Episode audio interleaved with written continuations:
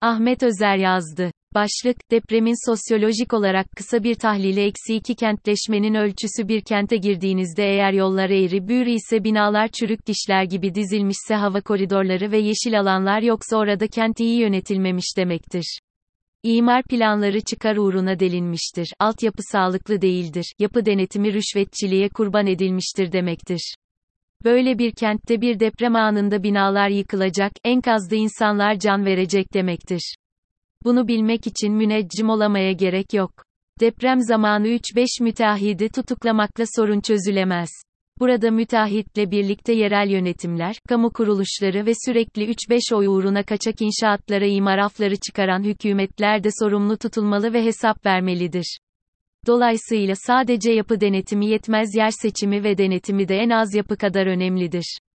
Tarım alanlarını kent rantlarına kurban eden, kentleri betondan kulelerle donatan anlayış son bulmalıdır.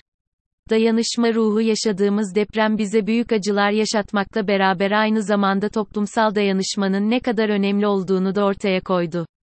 Toplumlar afet gibi yıkıcı, yaralayıcı ve zarar verici kriz dönemlerinde kendi bireyselliklerini unutup etrafındakileri önemsemeye başlamaktadır.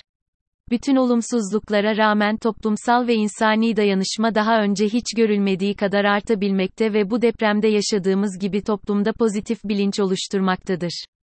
Depremlerin ortaya çıkardığı işlerden biri de bu dayanışma duygularının yaratmış olduğu davranışların oluşturduğu psikolojik sosyolojidir. Bu konuya eğilen sosyolog Durkheim, afet zamanlarında insanların yardımlaşama ve dayanışma duygularının çarpan etkisiyle yükseldiğini ortaya koymuştur. Acılar ister istemez insanları birleştirir ve dayanışma ruhunu artırır. 6 Şubat depreminde toplumun her kesiminin deprem yaralarını sarmak için dört bir yandan afet bölgesine koştuğunu gördük.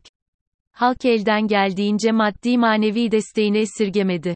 Bir depremde meydana gelen bir gerçeğin altını daha çizmek gerekir.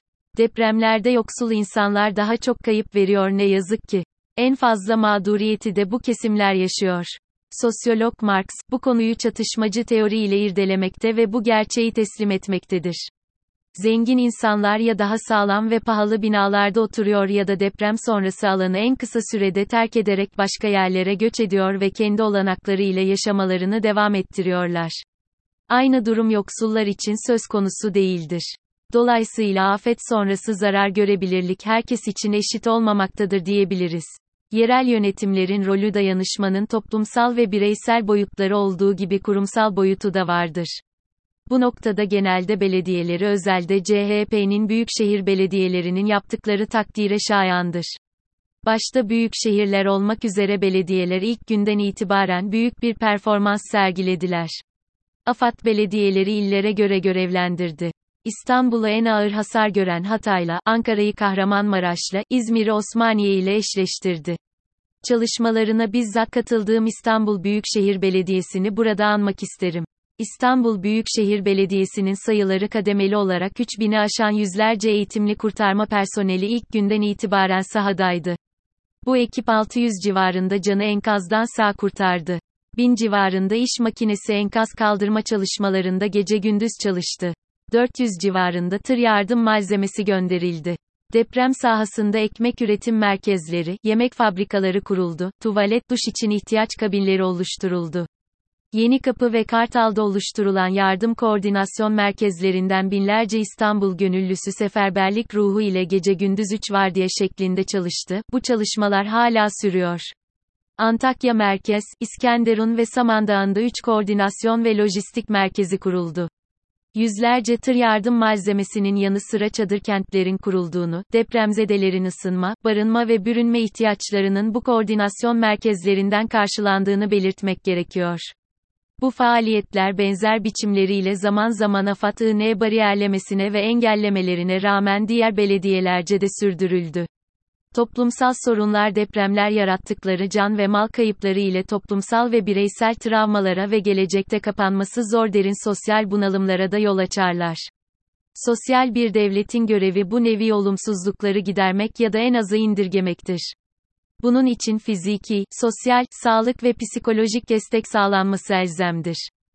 Nokta. Yoksa ölen ölür kalan sağlar bizimdir çağ dışı yaklaşımı devleti devlet olmaktan çıkardığı gibi toplumun millet bilincini ve aidiyet duygularını yıpratır deformasyona uğratır. O yüzden kurumların ihyası, toplum düzenin sağlanması, ailelerin korunmaya alınması, zarar gören bireylerin sağlıklı olarak yaşamlarına devam etmesi için gereken ekonomik, sosyal ve sağlık desteklerinin sağlanması devletin savsaklamayacağı görevlerindendir. Bu açıdan bakıldığında afetler yalnızca bireylerin psikolojilerini etkilemekle kalmayıp toplumdaki mevcut düzenin değişmesinde de önemli rol oynuyor ve doğal olarak sosyolojik açıdan da önem atfediyor.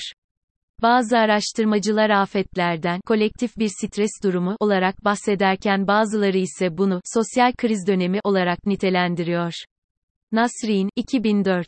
Depremin toplumsal etkileri afet sonrasında devam ediyor.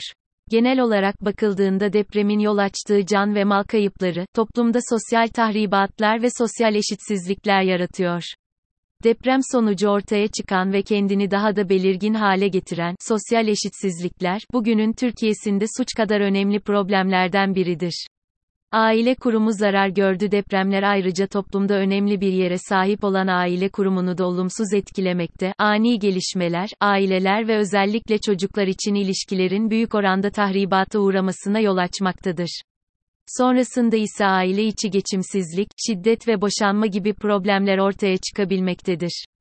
Belki de depremden etkilenen gruplar, yaşadıkları travma yüzünden topluma adapte olmakta zorluk çekeceği gibi toplumda bu kişileri kazanmakta güçlük çekecektir. Bütün bunlar toplumsal yapıda bozulmaya yol açacak ve fonksiyon azalmalarına neden olacaktır.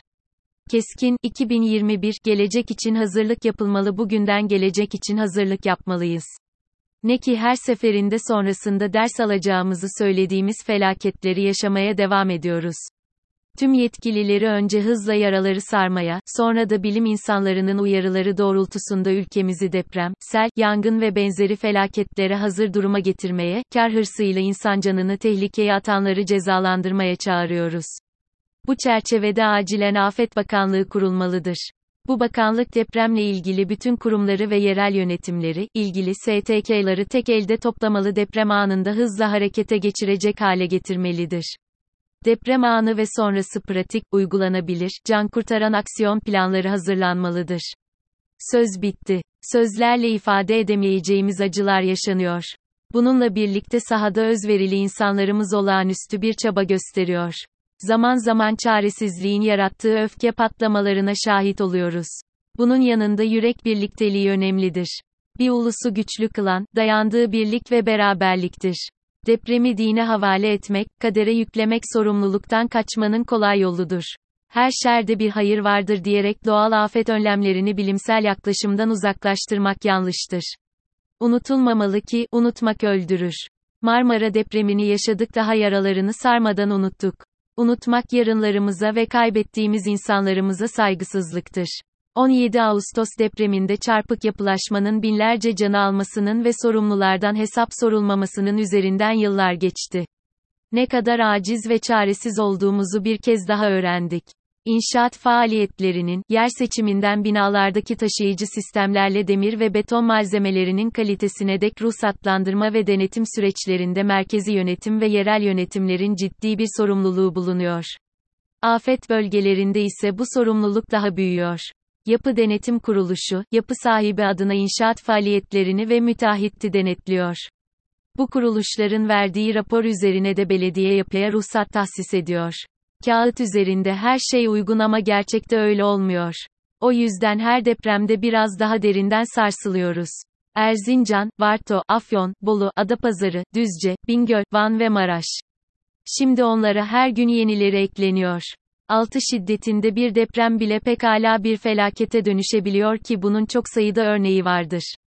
19 Ağustos 1966'da Varto'da 6,9 şiddetindeki depremde 2396 kişi, 6 Eylül 1975'de Lice'de 6,6 şiddetindeki depremde 2,385 kişi, 30 Ekim 1983'de Erzurum'da 6,9 şiddetindeki depremde 1155 kişi, 13 Mart 1992'de Erzincan'da 6,8 şiddetindeki depremde 653 kişi öldü.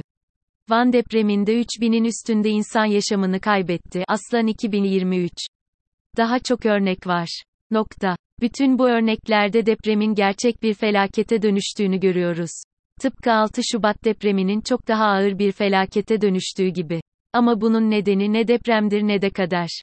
Bunun nedeni hükümetin bir şehircilik politikasının bulunmamasıdır. Bunun nedeni 3-5 oy uğruna çıkarılan imar aflarıdır. Bunun nedeni yer ve yapı denetimlerinin gereğince yapılmamasıdır ve toplumun bu konuda yeterli bilince sahip olmamasıdır.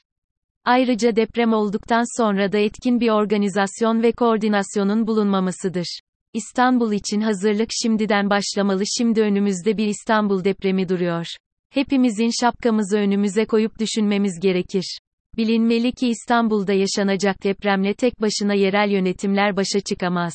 Bunun için İstanbul Büyükşehir Belediyesi başta olmak üzere, ilçe belediyeleri, Afet Koordinasyon Merkezi, AKOM ve AFAD el ele vermeli birlikte çalışmalı ve birlikte koordine olmalıdır.